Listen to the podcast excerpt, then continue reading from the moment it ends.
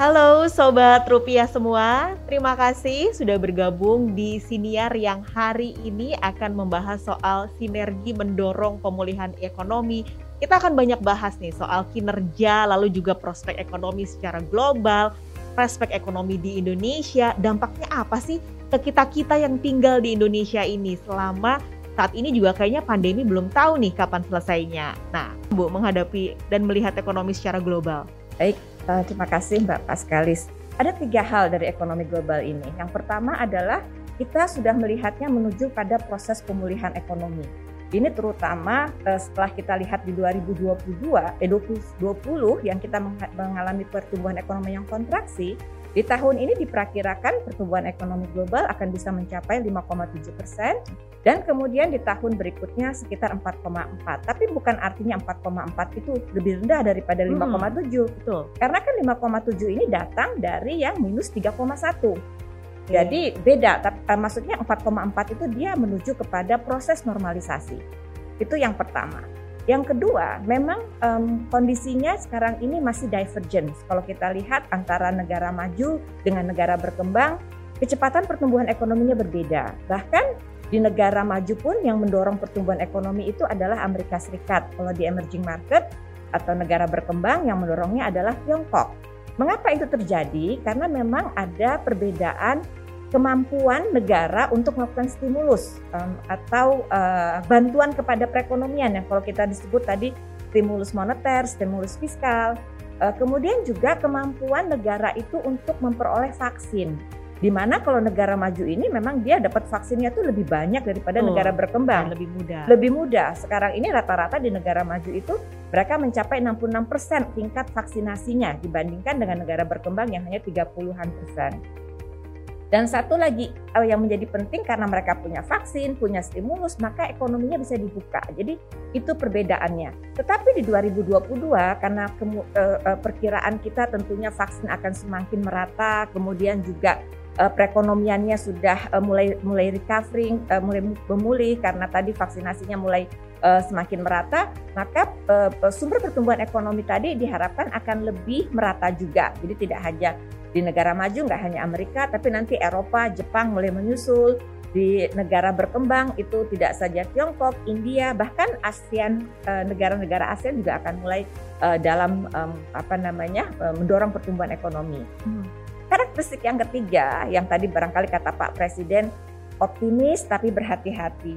Dan tadi juga kata Mbak Pascal Liskan ya, masih ada COVID, betul. Jadi ya. makanya kita tetap harus melihat pertumbuhan ekonomi ini optimis tapi berhati-hati karena hmm. kita masih menghadapi COVID. Sekarang ada Omikron baru lagi, um, kemudian um, masih ada diskusi tentang uh, pasokan yang terbatas, hmm. kelangkaan pasokan. Hmm. Kemudian juga katanya juga ada kelangkaan energi dan.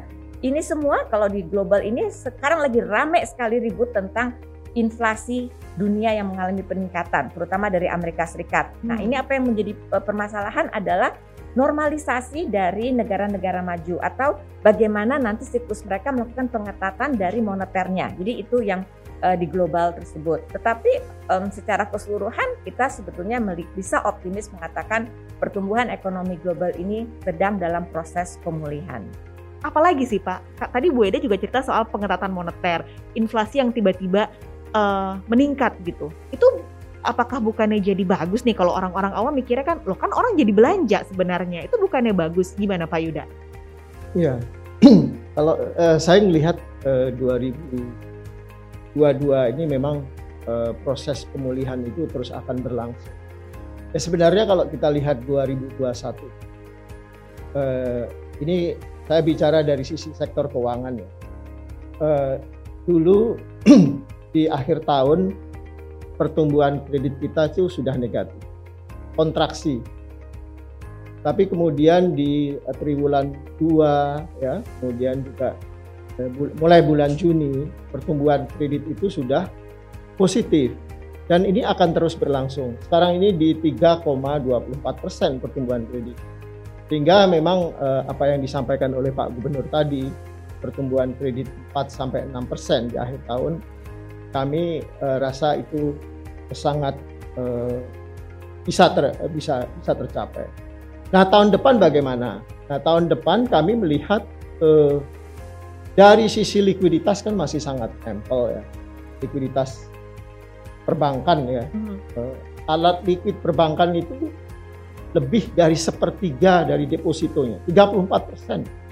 Sangat besar dan itu belum pernah terjadi di dalam sejarah perbankan kita. Oke, itu Ya. em, artinya apa Pak berarti?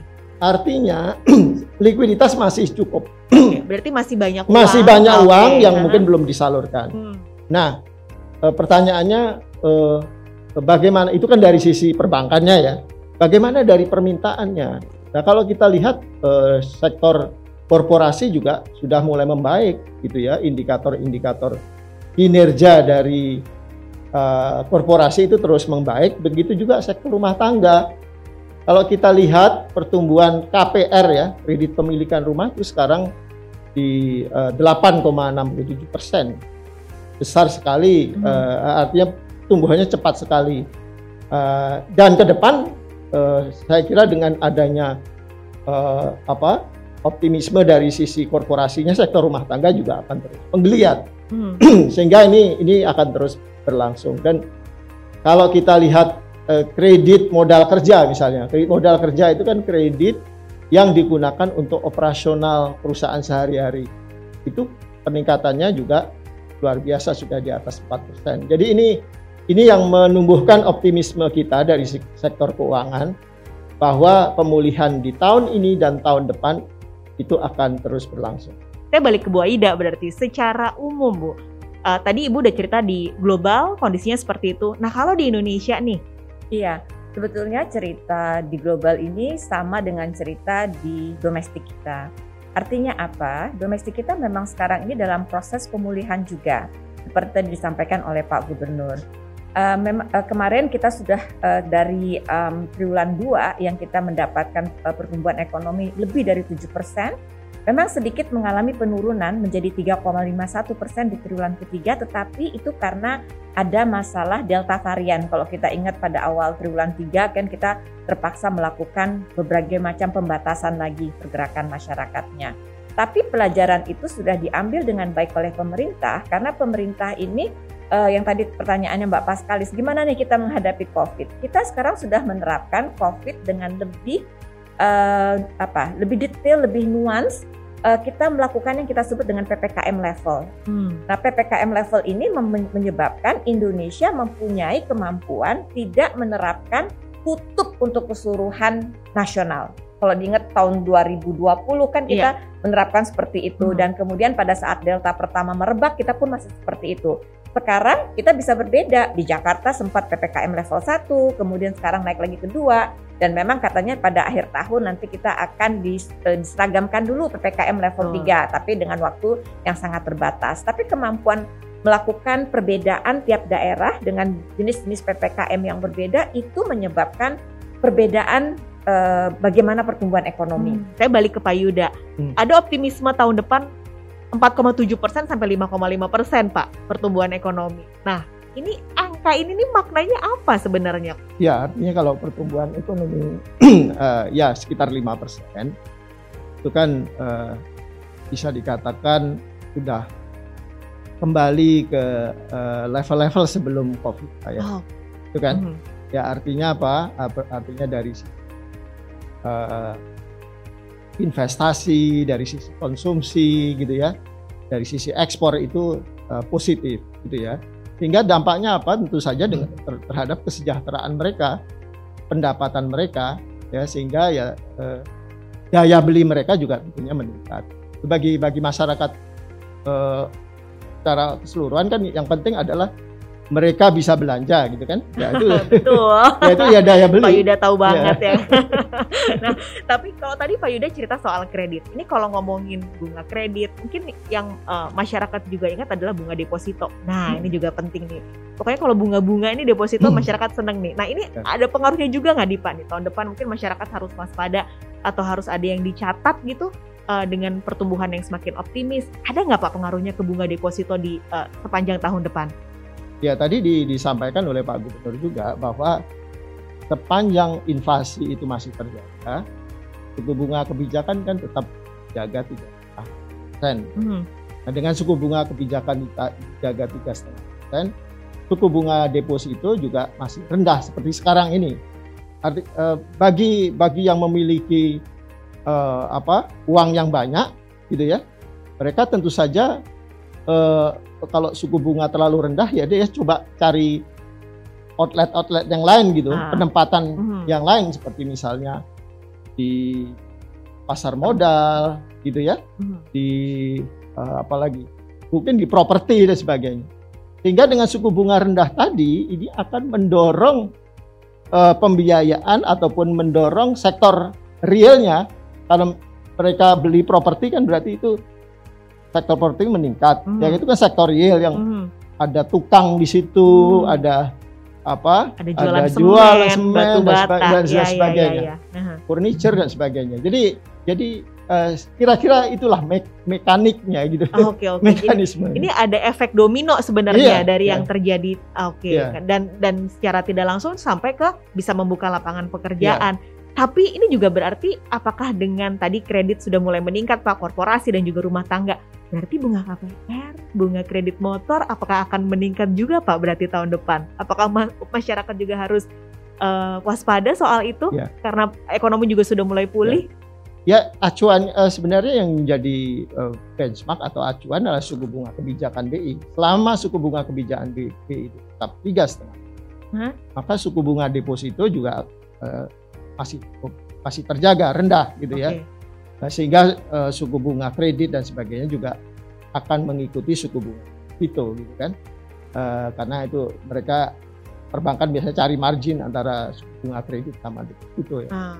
Jadi uh, uh, kalau saya lihat tahun depan masih uh, kondusif ya hmm. untuk uh, tumbuhnya uh, pertumbuhan uh, apa namanya dari berbagai sektor ekonomi.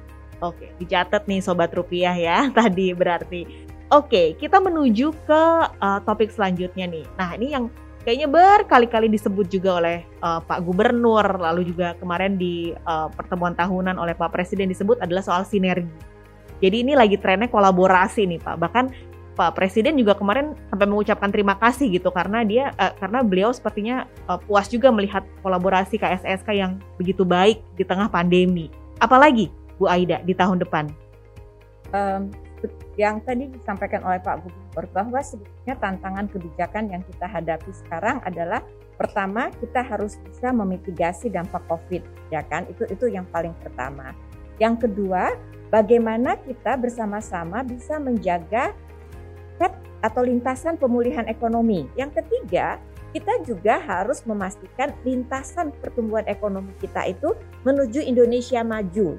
Satu lagi yang penting tadi kata Pak Yuda itu adalah tekanan dunia maju terhadap industri hijau, ekonomi hijau.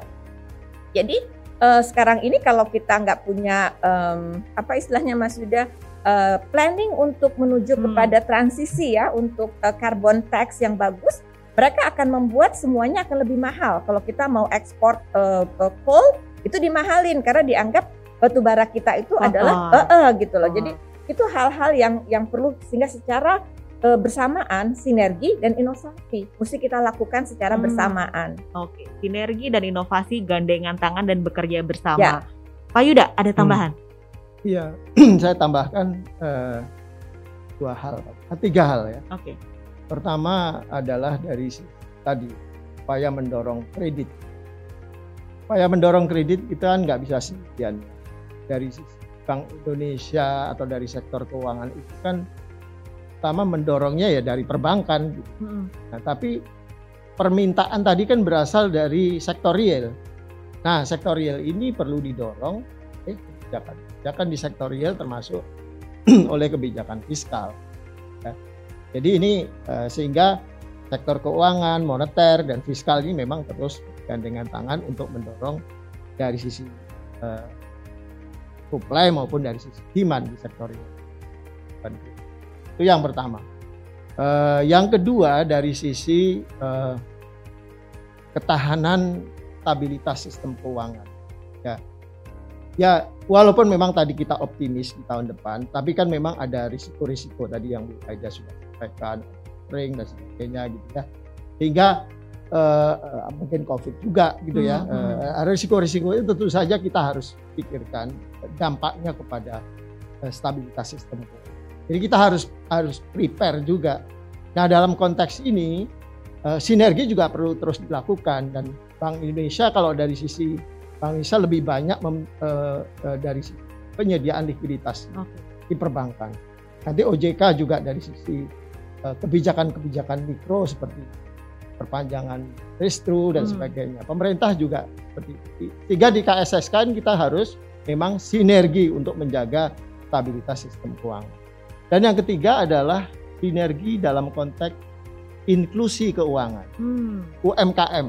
Ya kita harus dorong uh, dan Presiden sudah mencanangkan bahwa di 2024 rasio uh, kredit UMKM itu yang sekarang 20% akan dinaikkan menjadi 10%.